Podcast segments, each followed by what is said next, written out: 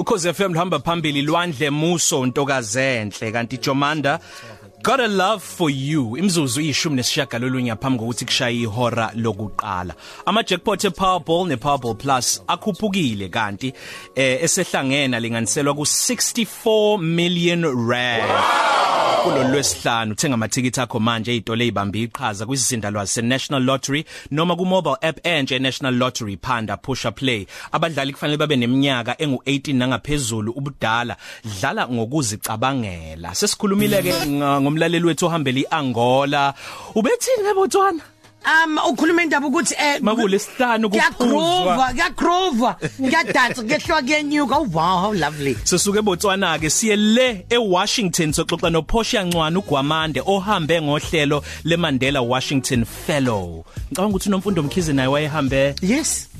kwakuyimandela noma kuyiObama Mandela. Okucishe kufana kube njalo nje. Yeah kuMandela siye Washington eUnited States of America. Sanibonani sanibonani balaleli ninjani? Siyaphila mfuthu Photo right girl.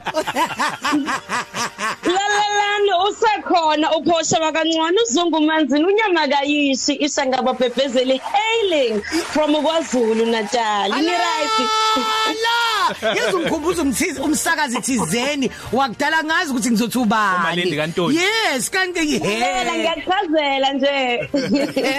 I-energy engaka phosha isikhathi sini ngalapha? Lalela isikhathi manje ubani I think it's 6:43 if I'm not mistaken so Alright. it's before 7 ekseni Ekuseni. all right all right use Washington Yeah. use Washington DC njengamanje Okay, okwamanje ngise Delaware eNewark. So ngise Varsity University of Delaware la ngikhona. iDelaware imama kuphi na- na- na- neUnited States isesente part nendawo noma isentshonalanga mpumalanga iseningizimu noma eh, eh, enyakatho ungayibeka kuphi nje kumuntu onga- ongayazi Okay, so iphakathi nendawo it's closer to iPhiladelphia nePennsylvania kahle kahle. So it's in between. the two places. Yes. Uk- ukufika kwakho ke khona lapho indaba zokuadjusta njalo njalo usuphuma eSouth Africa and ufika usungena khona lapho. Ngiyacabanga ukuthi akubanga inkinga kuwena mina njengoba une energy engaka oh noma mhlawumbe ukhiphela la kuthi mhlawumbe usuphumile ne stress kwaba kanjani ukuadjusta? Kwaba kulula kwaba nzima? Ngiyachazela i-stress um for me because living ekhaya um living from home I had that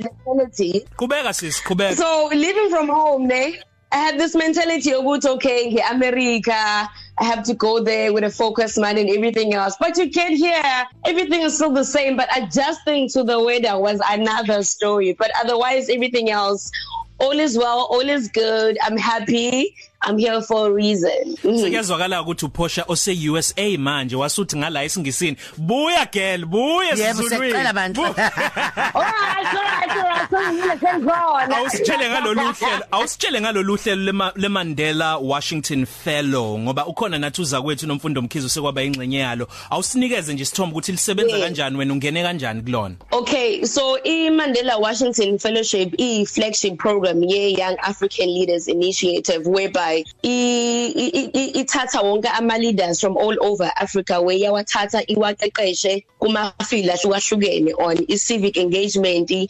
i-business, ne-public. Okusho ukuthi-ke mina-ke ngisebenza kakhulu nomphakathi.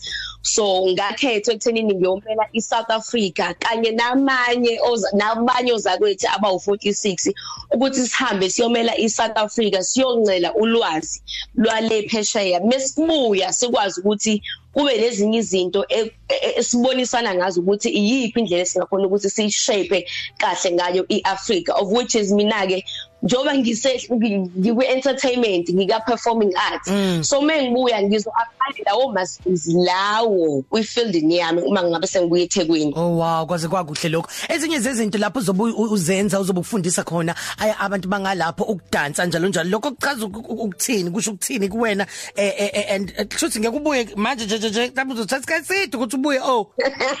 So thatha isikhathi but so mengabe siphela i-fellowship ne ngomhla ka-2 of which is August. Ngiplana ukuthi ngihambe ngiye New York in Brooklyn ngiconduct ama master class of which ngizobe ngifundisa ke abantu bakithi ukuthi thina emzansi eSouth Africa uma sigida senze njani? Uma ngabe sishaya isitswane senze njani? Uma ngabe sesidansa isixhosa senze njani? Uma ngabe sesicula silesilizela Mm. umzwilili weSouth Africa senze njani? So ngizobe ngenze njalo eNew York uma ngabe sengiqedile. Awusitsheleke siyezwa ngeke ngizwe nga- ngabantu base South Africa mase bebuya ikakhulukazi njoba kuyile administration ka Donald Trump ukuthi amamelikana ayayithaya wathanda ama policies akhe ayabasebenzela futhi kwezomnotho. Wena ke njengomuntu wase South Africa njengoba ulapho. Into eyiqinise leyo mawubuka abantu abahlala lapho kuyakusebenzela inawo ngokomnotho ukuba lapho? Um ukhu- ukukhuluma iqiniso kuyangisebenzela. One thing engiyithandayo ngama Americans aforecast and ayafuna futhi ukuthi azise abanye abantu ngolwazi labo. So for kulo lamaviki awu4 esengikhona lana ngikubonile lokho ukuthi bayathanda ukuncelisana nolwazi. Kwezomnotho ba right nakhona aba- ab- abanawo umona. Abanawo umona ngokufuna ukuncelisana ngolwazi kolokho osebekwazi kwabanye abantu. So i have to agree with that. Okay. Awusitshele nje ngeindawo osuvele wayibhala phansi wayinombola ukuthi mawubuye eMelika ngeke na kanjani ungadluli kuzona. Ngiyazi usahlele nokuya eNew York. Awusithatha usibeke kulezo indawo eziklaba umxhwele noyithandayo nongafisa ukuthi uyikhombise omunye umuntu waseningizimu Afrika. Okay the first thing eyokuqala ngqa ngingathi iUnited Nation iheadquarters where bengivakashele khona nozakwethu saya eGeneral Assembly saya eUN Security Council and of course in New York. New York is the place to be. If you want to ukushawa umoya nje ukubona abanye abantu ubone ukuthi bagqoka kanjani ubone ukuthi baphila kanjani ukuthi udisesa nje kancane from ekhaya. Um the second thing so la ngikhona ngise Delaware e New York. So indawo iyodwa voice ihambelayo ise Main Street kulit ngalendlela siyakhona if you want to angizwanga Yeah ngithi uwe. Yes. So it is like the only place esiyakuyona ku Main Street if you want to go out and dining out since it's a small town. Yeah. So akukho okuningi esikwenzayo.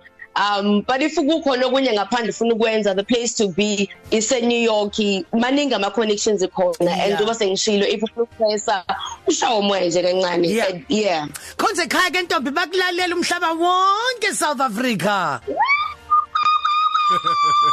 Hey owokuqala nje ngifuna nje ukuthi ngiqale ngikhonzele kuloza kwethu enginaye la usilidile wakabuthelezi so angede ngisuka eThekwini kwaZulu Natal usindile buthelezi ngithi hello girl. Mase ngithi halala lapho ohlange eNanda Township Oh, wow. umndeni wakho ncane omanzi nonyama kayishi ngithi ngiyanthanda lapho. Siyabonga kakhulu babe. Uyiphathe kahle lapho uqhubeke nje uqhakambise i-South Africa. Uyiflag lidizele phezulu Kwamanda. darling. Ngiyabonga. Nibe nosuku oluhle. Nawe futhi good morning. Usiyalo Beyonce. Banawe ku 12 to 3 cafe.